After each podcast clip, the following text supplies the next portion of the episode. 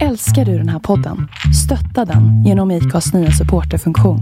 Det är helt upp till dig hur mycket du vill bidra med och det finns ingen bindningstid. Klicka på länken i poddbeskrivningen för att visa din uppskattning och stötta podden.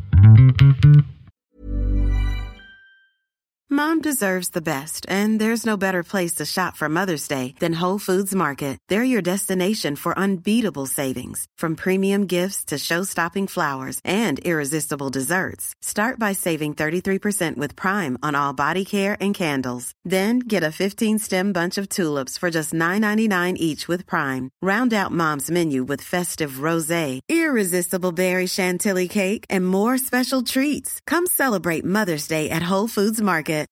Since 2013, Bombas has donated over 100 million socks, underwear, and t shirts to those facing homelessness.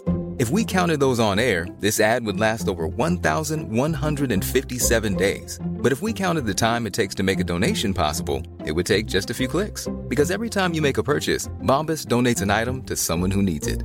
Go to bombas.com slash ACAST and use code ACAST for 20% off your first purchase. That's bombas.com slash ACAST, code ACAST.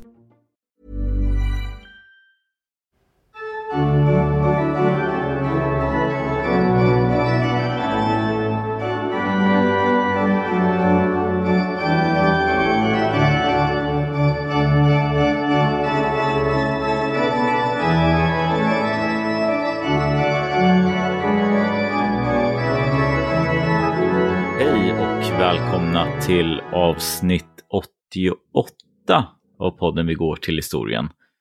Och eh, du har inte regnat bort. Nej, eh, Hans har, har försvunnit här nu. Eh, och det känns ju toppen att vara tillbaka efter vårt traditionella sommaruppehåll Eh, nu den 15 augusti. Och nu måste vi ju tänka efter vad vi pratade om. I förra avsnittet behandlade vi, om jag minns rätt, förmyndarregeringens 1660-tal som var något av den svenska högadens storhetstid. Som eh, jag nu, Ulf Gemsjö berättar och pratar med dig Fredrik om. Man lyckades undvika den reduktion av den ekonomiska makten som Karl X Gustav sökt genomdriva och eh, var samhällets eh, politiska, ekonomiska och sociala elit. Den svenska uradeln, grevar och friherrar som numerärt var en mycket liten grupp i samhället med kvinnor och barn, kanske 500-600 personer. Men den stora frågan är ju nu vad som ska hända när Karl XI blir myndig samtidigt som denna högadel är orolig för att kungamakten ska stärkas på deras bekostnad hoppas lågadel och de övriga stånden på att just det ska hända. Men lite, vi, vi går tillbaka lite. Alltså Karl XI, hur gammal är han när vi lämnade honom? Mm. Jo, eh, nu i december 1672 då har Karl fyllt 17 år och då förklaras han myndig vid eh, riksdagen i december och därmed upplöses alltså förmyndarregeringen. Men han har ett år kvar till att få köra bil. Ja, det var, det var inte aktuellt att han skulle träna på att köra bil här, nej. Eh, men den, med den nämnda bakgrunden. Alltså det här, den här riksdagen, det blir en stormig tillställning. Högadeln vill ju till exempel få garanterat att de ska besätta alla de högsta ämbetena i riket. Och detta vände sig lågadeln och de övriga stånden emot. Lågadeln hade ökat på grund av alla de ämbeten som den nya stormakten krävde när det gällde förvaltning och krigsmakt. Högadeln hade en helt annan position med sina stora godsinnehav, slott och herrgårdar på landet och palats i huvudstaden än lågadeln som var beroende av sina löner som ämbetsmän. Det fanns, som vi berättade om förra gången, en grupp yngre adelsmän från högadeln ledd av Johan Gyllenstierna och två bröder Wachtmeister som var mycket kungatrogna och delade lågadelns kritik mot den högadliga rådsaristokratin och därför betraktades som klassförrädare av de uradliga representanterna.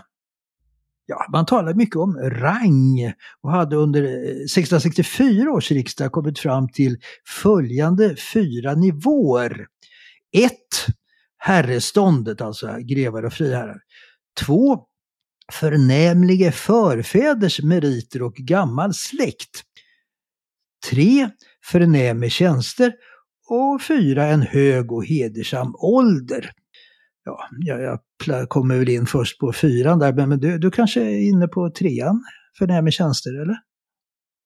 Mm, jag tänker bara hur, du hade, hur det ser ut nu. Nummer ja. ett, eh, influencers. Nummer ja. två, eh, mediaprofil.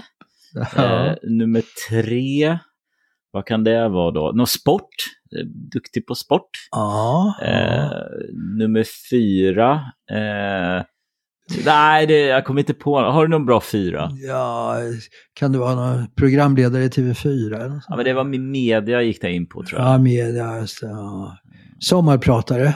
Ja, jo men de, de ligger väl och skvalpar där någonstans mm. eh, mellan ettan och tvåan. Men mm. vänta, ja, vänta. Eh, journalist kanske?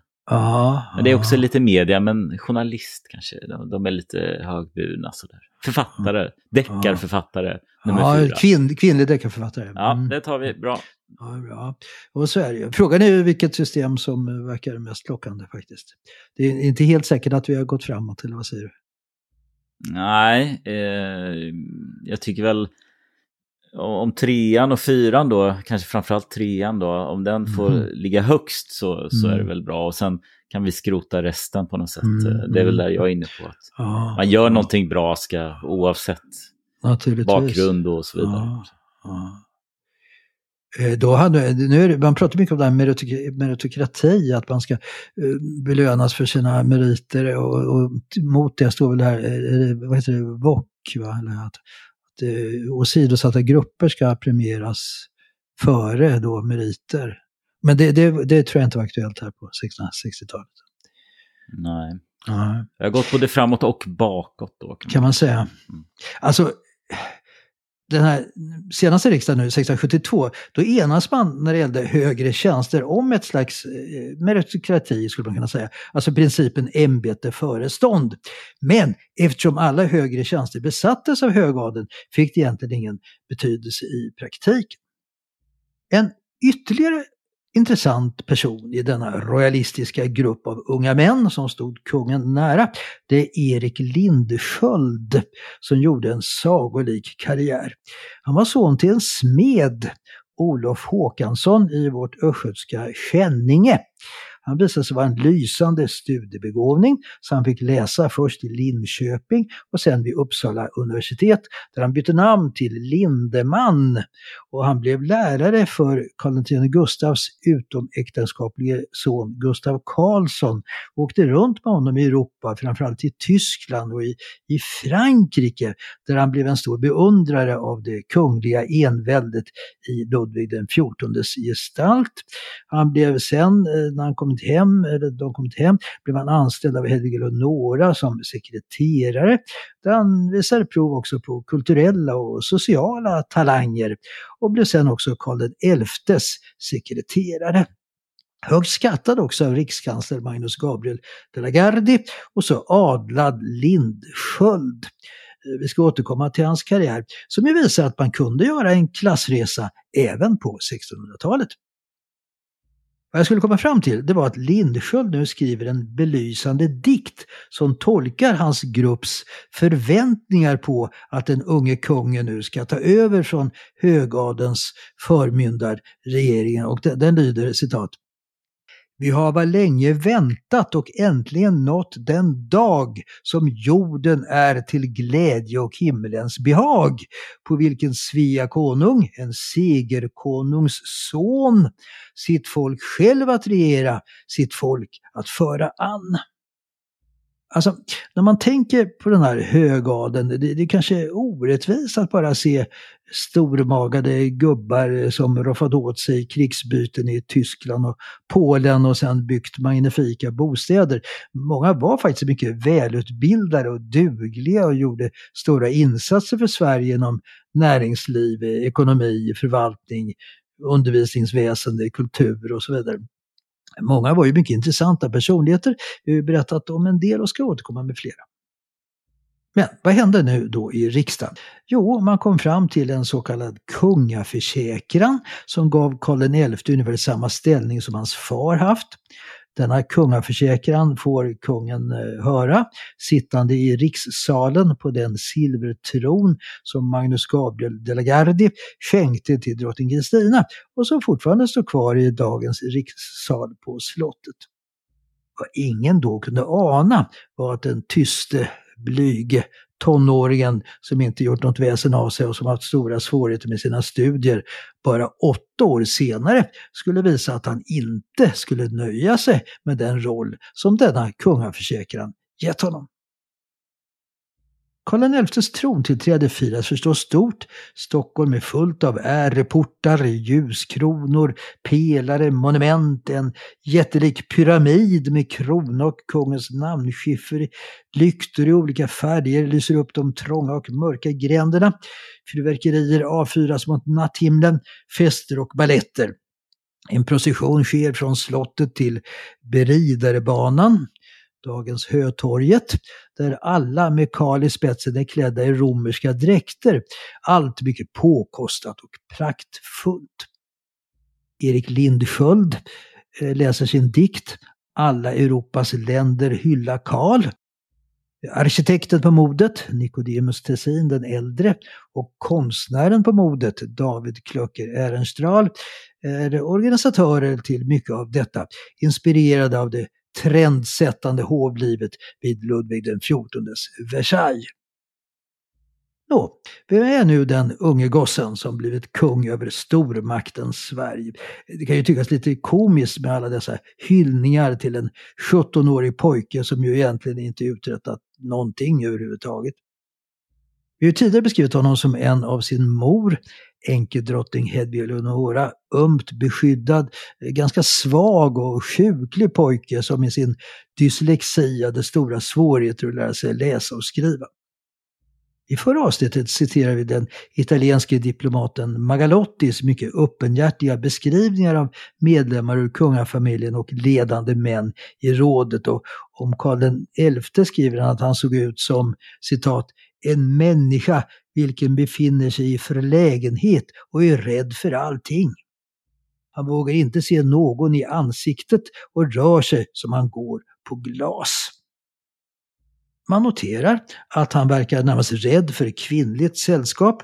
En fransk diplomat skriver att kungen hellre skulle sova med en generalmajor än med den skönaste kvinnan i Stockholm ja, att älska soldatlivet och att vara ute i fält, men att vara rädd för dates med vackra damer, det var ju något som eh, Karl XIs son i än högre grad skulle bli känd för. Men det blir en total personlighetsförändring när kungen lämnar slottets salar och kommer ut i friska luften. Magalotti skriver citat. När han sitter till häst synes han vara en helt annan människa och då ser han verkligen ut som en konung. Han är obesvärad, ledig, livlig och frigjord från det tvång som inomhus vilar över honom. Maglotti får även vara med på rådets sammanträden där också kungen är med och där sitter kungen tyst. Den italienske diplomaten tolkar det som att den tonårige kungen är helt i händerna på rådet. Han skriver på sitt cyniska vis, citat. Så enfaldig han än är har han dock synnerligen väl befordrat rådets intressen att man icke kunnat giva en konung en sämre uppfostran såsom konung och på samma gång fördelaktigare för rådet. Magalotti konstaterar alltså att Karl rider och fäktar bra, men intellektuellt är han en katastrof. Han saknar kunskaper och bildning. Magalotti skriver han är okunnig i allting. Han kan icke latin, ej heller något annat språk, förutom tyska som han talar med sin mor. Detta gör att kungen hela tiden försöker undvika diplomater eftersom franska här var konversationsspråket och att en europeisk furste vid denna tid inte behärskade franska, det var något helt unikt. Karl pratade bara med svenskar och tyskar, inte med fransmän, italienare, spanjorer och andra utlänningar. Något Magalotti också observerar är Karls religiösa fromhet. Han ber både morgon och aftonbön och han går i kyrkan varje söndag. Ytterligare något Magalotti skriver om är kungens självbehärskning.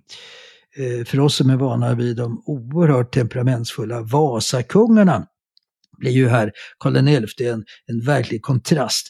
Han kan kontrollera sitt humör, han blir inte upphetsad eller kommer i konflikt med sin omgivning. Eh, han är ju också av naturen tystlåten och verkar behålla sina tankar för sig själv. Karls stora intressen är jakt och militära övningar.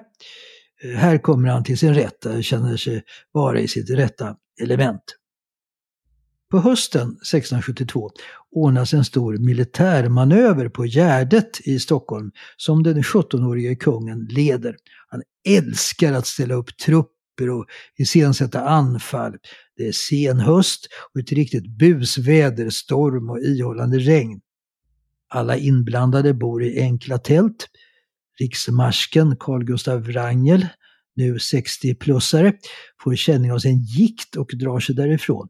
Hedvig Eleonora, som är det längsta som en modern fotbollscurlingförälder försöker hålla ut, måste till sist frusen och genomblöt lämna slagfältet med sina hovdamer och till fots gå den långa vägen tillbaka till slottet. Kungen stormtrivs. Han tycker det är hur kul som helst. Och manövern var mycket realistisk. Två soldater dog och många skadades. Magalotti noterar också den mycket nära relationen mellan mor och son. Karl älskar sin mamma. De reser alltid tillsammans, äter alla måltider ihop. Magalotti skriver att Karl inte tror att han kan leva utan henne. När Karl slipper träffa grevar, hovfolk, diplomater utan istället vanligt folk slappnar han av. På våren efter tronbestigningen, alltså 1673, gör han och mamma en rundresa i Dalarna. Dalarna. Han är eh, där bland annat med på ett bondbröllop i Mora och han som i vanliga fall var livrädd för tjejer dansar här runt med dalkullorna. Och vid en middag i Falun, där vinet flödar lite för mycket, blir han så upprymd att han inte bara dansar utan också tar över en av musikanternas puktrummor. Dagen efter hoppade han över frukosten och stannade kvar på sitt rum till långt fram på eftermiddagen. Eh, Karl spottar alltså inte i glaset, men han har vad man kan kalla ett gott ölsinne. Han blir glad och uppspelt när han dricker, skrattar och är särskilt road av att ganska hårdhänt knuffa på andra personer. Denna rundresa i Dalarna blir mycket lyckad. Man besöker gruvor, kyrkor, prästgårdar, bondgårdar. Kungen blir mycket populär. Han är enkel, folklig, avskyr smicker, skvaller och inställsamhet. Vill bli behandlad som alla andra. Ja, Fredrik, du är duktig på att analysera. Är det Karl, är det någon du tar till dig? Eller hur skulle du kommentera honom? Nej, men en ganska sympatisk gosse. Jag tror väl att han, eh, han har en press på sig att leverera på, på något sätt. Alltså mm. sina eh, tidigare kungar har kanske behärskat eh, både språk och eh, både det inhemska och det utländska och i skrift och sådana saker. Mm. Och han, han är ju inte där, liksom. han, han mm. behärskar inte det och det gör att han, han drar sig ännu mer eh, för att eh, använda det. Han försöker undvika det för att han, han känner den här pressen. Men eh, med, som sagt med vanligt folk då, då, då, då släpps, då släpper man den här pressen. Mm. Och sen är, är det förstås en eh, curlad figur, eh, sin mor, och där kanske han saknar lite en fadersfigur ändå mm. i, i relativt unga år som gör att han, att han, eh, han kanske behövde en sån hand också så att säga. Mm. Mm. Eh, nej men ja. än så länge ganska sympatisk eh, figur. Ja, ja. ja, det ska bli spännande att se vad, vad som händer nu i fortsättningen. Eh, ja, alltså den, den kungliga familjen, ja, eh, vad, vad, vad består den av? Är det bara kungen och hans mamma? Eh, Karl, Karl XI hade ju många halvsyskon som ett resultat av faderns vidlyftiga leverne innan han stadgade sig och gifte sig med Hedvig Eleonora. Eh, Carl Gustav fortsatte Vasaprinsarnas och Vasakungarnas tradition att se till att alla frillor, alla älskarinnor fick gifta sig med män som kunde försörja dem och ge dem en hyfsad social situation. Många fanns ju på Öland som ett minne av Carl Gustavs tid på Borgholms slott. Ja, det går väl idag lugnare till där när jag såg kronprinsessans födelsedag där vår nuvarande kungafamilj firar där i slottsruinen i Borgholm. Det, det, är väl en kontrast kanske till Carl Gustavs hov där, eller vad säger du? Mm, då hade jag hellre besökt eh, det tidigare hovet. Kan vi. Ja, du säger det. Ja. Ja, eh, ett av dessa utomäktenskapliga barn det eh, är mer känt än de andra eftersom hans mor var en rik köpmannadotter i Stockholm. Den vackra Märta Allertz, alltså Gustav Karlsson som vi nämnde förut. Han är 13 år vid faderns död. Som vi nämnt eh, tas han väl om hand av Hedvig Eleonora som ser honom som en eh, som hon skrev, kärlig ihågkommelse av min saliga herre. Han får alltså Erik Lindsköld som lärare och han gör militär karriär och blir så småningom den första och siste av den grevliga ätten Karlsson. Mom deserves the best and there's no better place to shop for Mother's Day than Whole Foods Market. They're your destination for unbeatable savings, from premium gifts to show-stopping flowers and irresistible desserts. Start by saving 33% with Prime on all body care and candles. Then get a 15-stem bunch of tulips for just $9.99 each with Prime. Round out Mom's menu with festive rosé, irresistible berry chantilly cake, and more special treats. Come celebrate Mother's Day at Whole Foods Market. Jewelry isn't a gift you give just once. It's a way to remind your loved one of a beautiful moment every time they see it. Blue Nile can help you find the gift that says how you feel and says it beautifully with expert guidance and a wide assortment of jewelry of the highest quality at the best price. Go to BlueNile.com and experience the convenience of shopping Blue Nile, the original online jeweler since 1999. That's BlueNile.com to find the perfect jewelry gift for any occasion. BlueNile.com. I'm Sandra, and I'm just the professional your small business was looking for. But you didn't hire me because you didn't use LinkedIn jobs. LinkedIn has professionals you can't find anywhere else, including those who aren't actively looking for a new job but might be open to the perfect role, like me. In a given month, over 70% of LinkedIn users don't visit other leading job sites. So if you're not looking on LinkedIn, you'll miss out on great candidates like Sandra. Start hiring professionals like a professional. Post your free job on linkedin.com/people today. På slottet i Stockholm har Karl XI två kvinnliga kusiner som båda är tre år äldre än han. Mamma Hedvig Eleonora hade 15 syskon, varav nio nådde vuxen ålder. Hon har nära kontakt med dem och framförallt de fem systrarna besöker henne ofta i Stockholm. Den ena av de båda kusinerna är Magdalena Sibylla som förlorar sin mamma när hon är 13 år och då skickas till moster i Stockholm. Hon kommer senare att gifta sig med en tysk hertig och blir en erkänd författarinna och kompositör. Den andra kvinnliga kusinen, det, den är den mer spännande, den skandalomsusade Juliana. Och hon är kusin då på pappas sida. Eh, Karl X Gustav hade fyra syskon, en bror och tre systrar. Brodern har vi nämnt vid ett antal tillfällen, Adolf Johan på Stegeborg som har unikt dåligt rykte i den svenska historien. Eh, som bortknuffats från ett politiskt inflytande, som är osams med alla, ständigt upptagen av olika rättstvister som han i allmänhet förlorar. Han är något av eh, vår första riktiga rättshaverist skulle man kunna säga. Men förutom då denne farbror har Karl alltså tre fastrar. Maria Frosyne som vi ofta också nämnt, gift med Magnus Gabriel de la Gardie. De la Gardie-familjen, männen här, de hade ju en förmåga att nästla sig in i kungliga kretsar.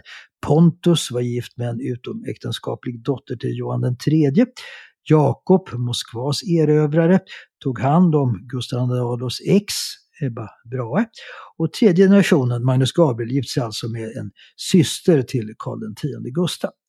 Det finns ju en berömd bild, jag vet inte om du har sett det, men som föreställer paret där Magnus Gabriel står med ena foten på ett lägre trappsteg än sin hustru.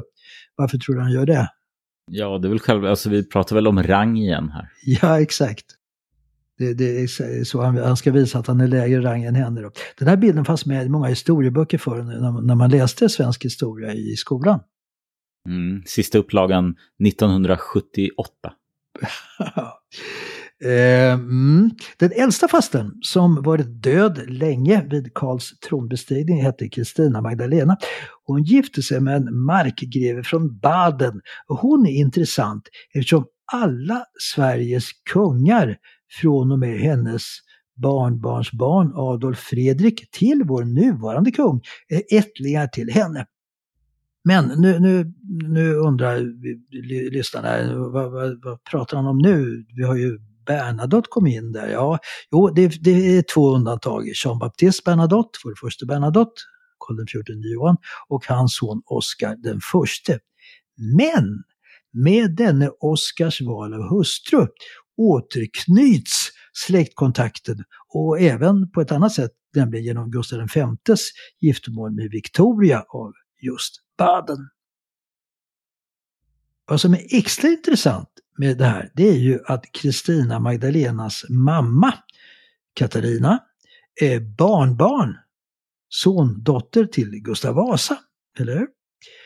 Och Gustav III han talar gärna om det Vasablod Eh, i kanske inte alltför många centiliter som pulserade i hans gener. Nu har jag aldrig hört vår nuvarande kung ta upp detta. Det hade, hade ju varit ett gyllene tillfälle när han höll tal den 6 juni under 500-årsminnet av att Gustav Vasa valdes till kung. Eller hur? Nja lite larvigt. Alltså, säger man inte att alla är släkt med Shakespeare och sådär? Ja, det blir lite larvigt tycker jag. Ja, ja men jag, jag tycker nog att, alltså, jag, jag, tror att han behöver en ny talskrivare. Så, så att, eh, hör av er, hovet, så kan vi diskutera en liten återanställning. Återstår, återstår så Eleonora Katarina, mamman till denna Juliana, som uppfostras av Eleonora vid hovet i Stockholm. Men när det gäller både mor och dotter får alla våra lyssnare som är intresserade av kungligt skvaller sitt lystmäte. Jag tror vi har nämnt eh, modern tidigare. Hon gifte sig med en lantgreve Fredrik av Hessen, men berättar för denne efter bröllopet att hon är gravid. Dock tyvärr inte med den nyblivne äkte mannen utan med en fransk hovmusiker. Dottern som föds dör dock strax efter sin födelse. Äktenskapet, fastän olyckligt, fortsätter dock och fem barn föds. Men Fredrik är inte en lycklig man. Han undertecknar sina brev med Fredrik le Malheureux. Fredrik den olycklige.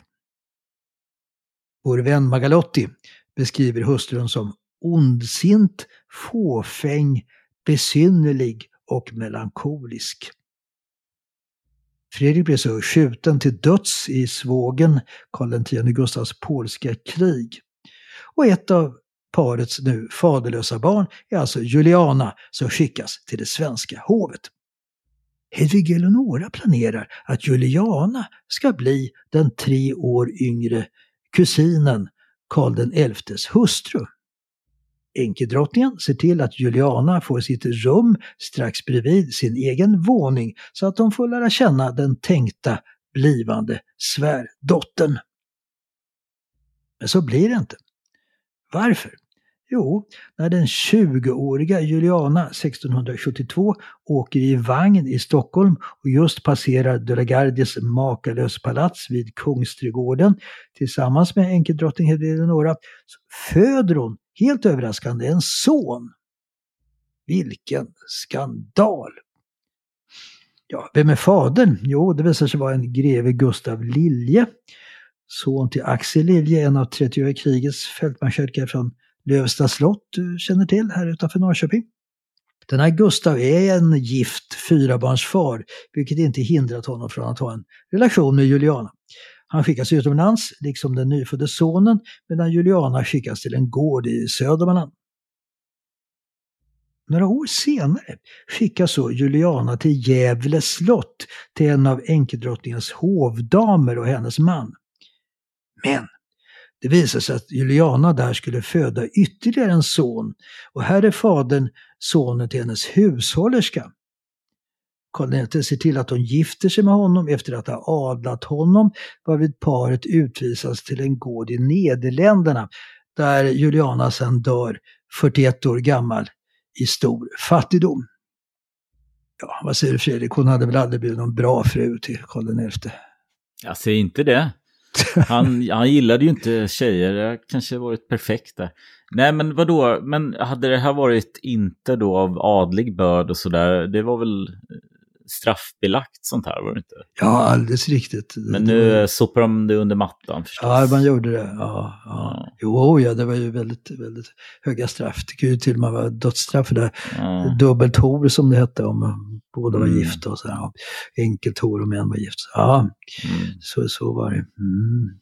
Ja, det hade varit något för Svensk Damtidning och kvällstidningarna om de hade funnits då. Mm, ja, verkligen. Nej, jag har inget Inget negativt. Jag, rolig drottning hade det varit. Synd att det inte blev av där. Och var lite framåt menar du? Ja, hon var framåt. Det tycker jag. Vad han hade behövt det. Mm. Okej, okay. eh, återstår så Adolf Johan, hertigen av Stegeborg, som du, Stegeborg som du väl känner till.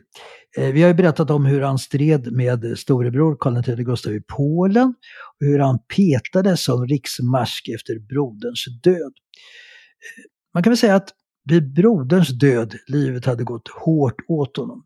Han hade nu vid ungefär 30 års ålder förlorat sina föräldrar, sin bror, sin hustru och en liten son samt alltså också sparkats ut ur riksrådet och förmyndarregeringen. Eh, efter att förgäves försökt gifta om sig med en av enkedrottning Hedvig Eleonoras många systrar gifte han sig istället med en kusin till första frun som för övrigt hette likadant. Båda hette Elsa Brahe. Det är ju praktiskt. Eh, men det, vi måste kunna skilja dem åt. Den nya frun hette också Elisabeth, eh, som tur är, så, så vi skiljer dem. Vi, vi kallar henne nu för Elisabeth Brahe.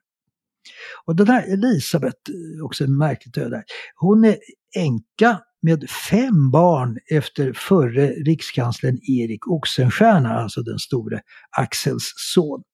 Vi har nämnt det förut, vill jag minnas, att bröllopet hölls på nu ständigt aktuella Tidö slott, Oxenstierna ettans huvudgård. Och det märkliga är att hennes fem barn mellan 10 och 5 år gamla skickades iväg till olika fosterhem. Adolf Johan och Elisabeth far ensamma till Stegeborg för att börja ett nytt liv. Man kan ju undra här om det var Adolf Johans önskemål eller Elisabets eller ett gemensamt beslut. Detta leder dock till att Elisabeth har fått ett lika dåligt rykte som mannen. Hon anses som en otroligt känslokall mor som inte heller i fortsättningen skulle ha någon kontakt med sina barn från det första äktenskapet. Hon skulle aldrig ha någon kontakt med dem annat än att hon genom ombud försökte minska underhållet efter deras fars arv.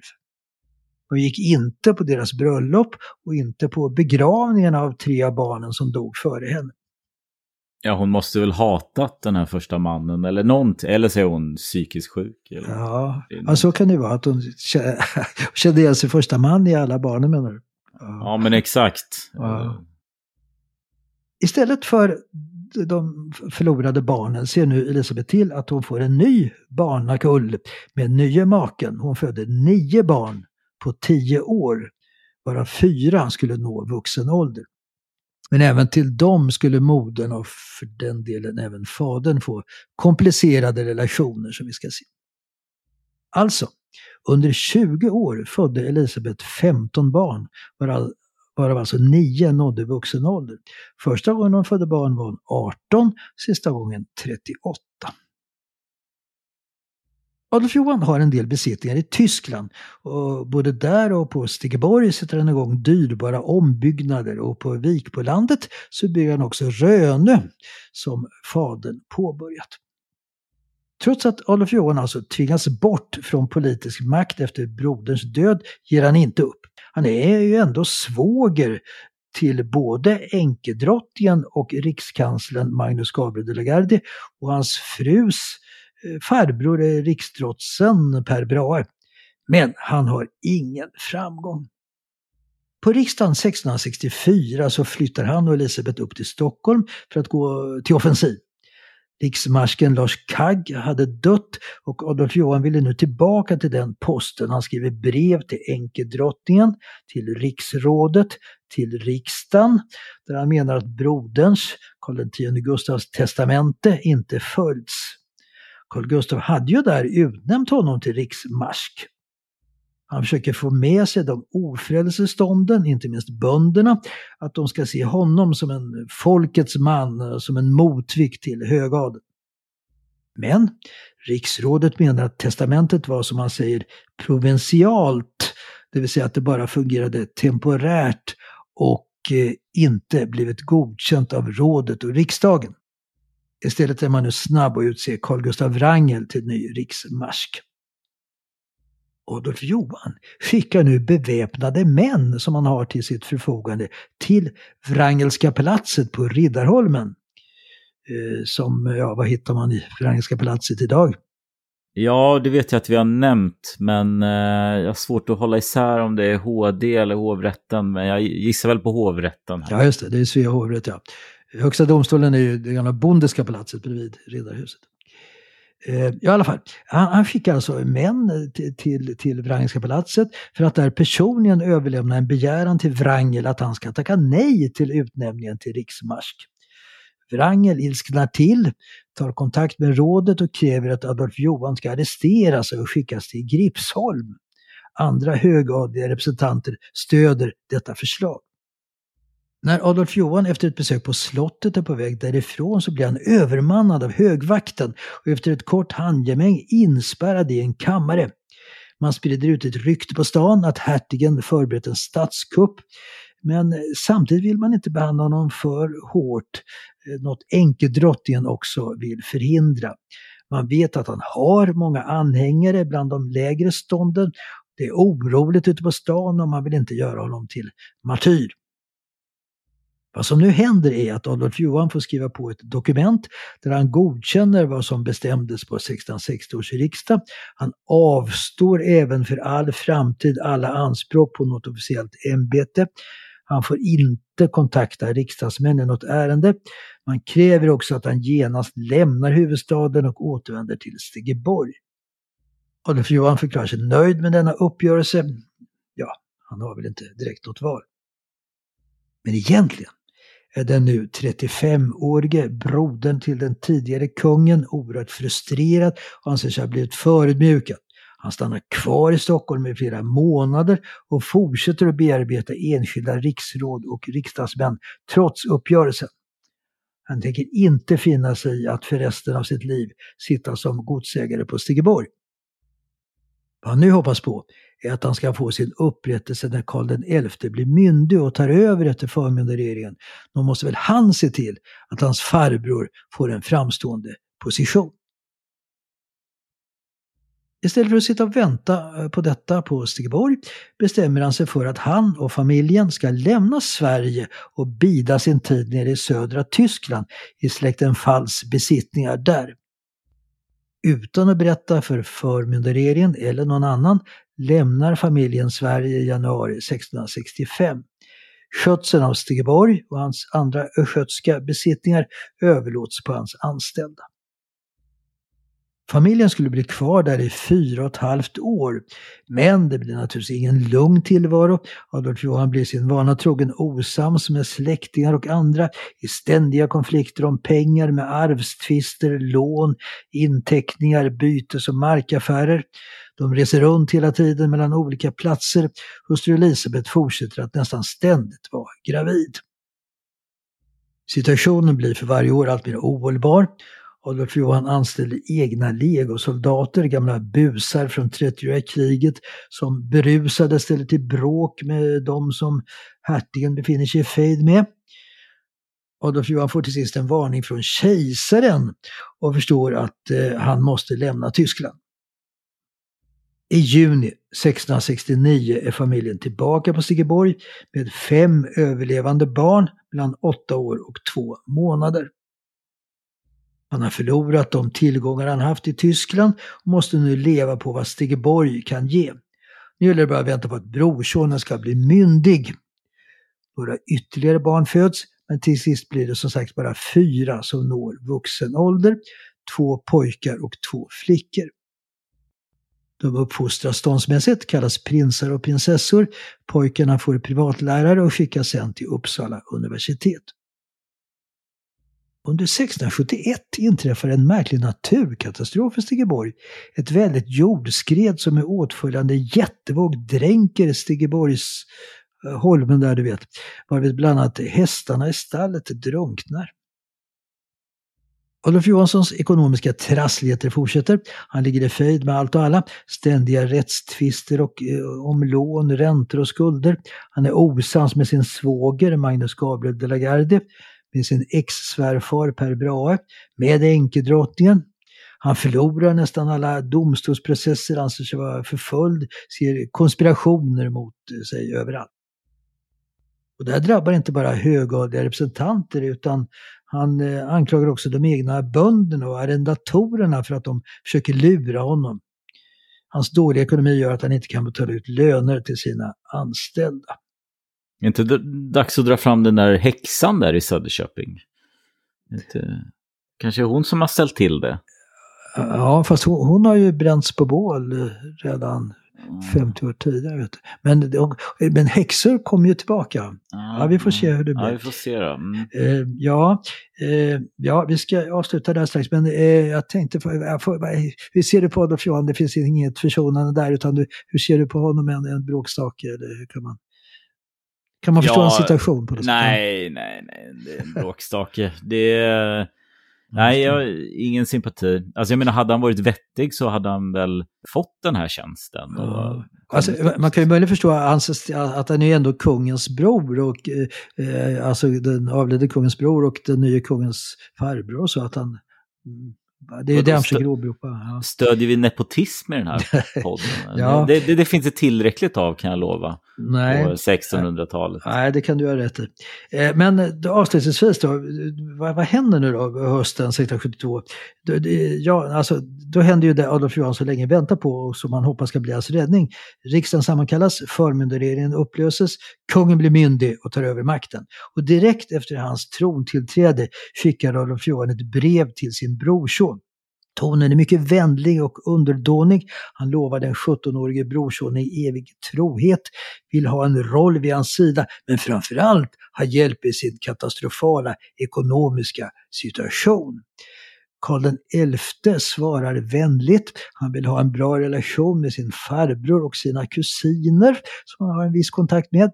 Eh, flickorna skulle några år senare få komma till hovet där de togs väl emot av Hedvig Eleonora. De blev populära där, var vackra och ödmjuka, inte alls som de besvärliga föräldrarna som inte var välkomna vid hovet. Men kungen kunde varken lova någon framtida tjänst eller någon ekonomisk hjälp. Ja, hur ska det nu gå i fortsättningen för Adolf Johan och andra? Vi lämnar honom nu, men ska förstås återkomma till honom och hans familj. Och, och Fredrik, nästa gång måste vi ju se, eh, måste vi återvända till drottning Kristina och se, se vad hon har för sig. Vi an, jag vet att vi antydde en mycket spektakulär plan hon försöker genomföra. Så, så det, det, måste vi återkomma till. Vi måste börja med, med henne nästa gång så att vi, vi, inte, vi inte glömmer bort henne, eller hur? Ja, men det låter väl som en bra idé. Och sen ska vi se hur det går för unge kungen som inte ska underskatta. Och så ska vi också berätta om vad som händer ute i Europa som påverkar Sveriges utrikespolitiska situation. 1672 är ett dramatiskt år. Så stort tack Fredrik, kul att vara tillbaka med podden igen. Så och tack alla kära lyssnare. Så hörs vi igen då om två veckor. Tack och hej.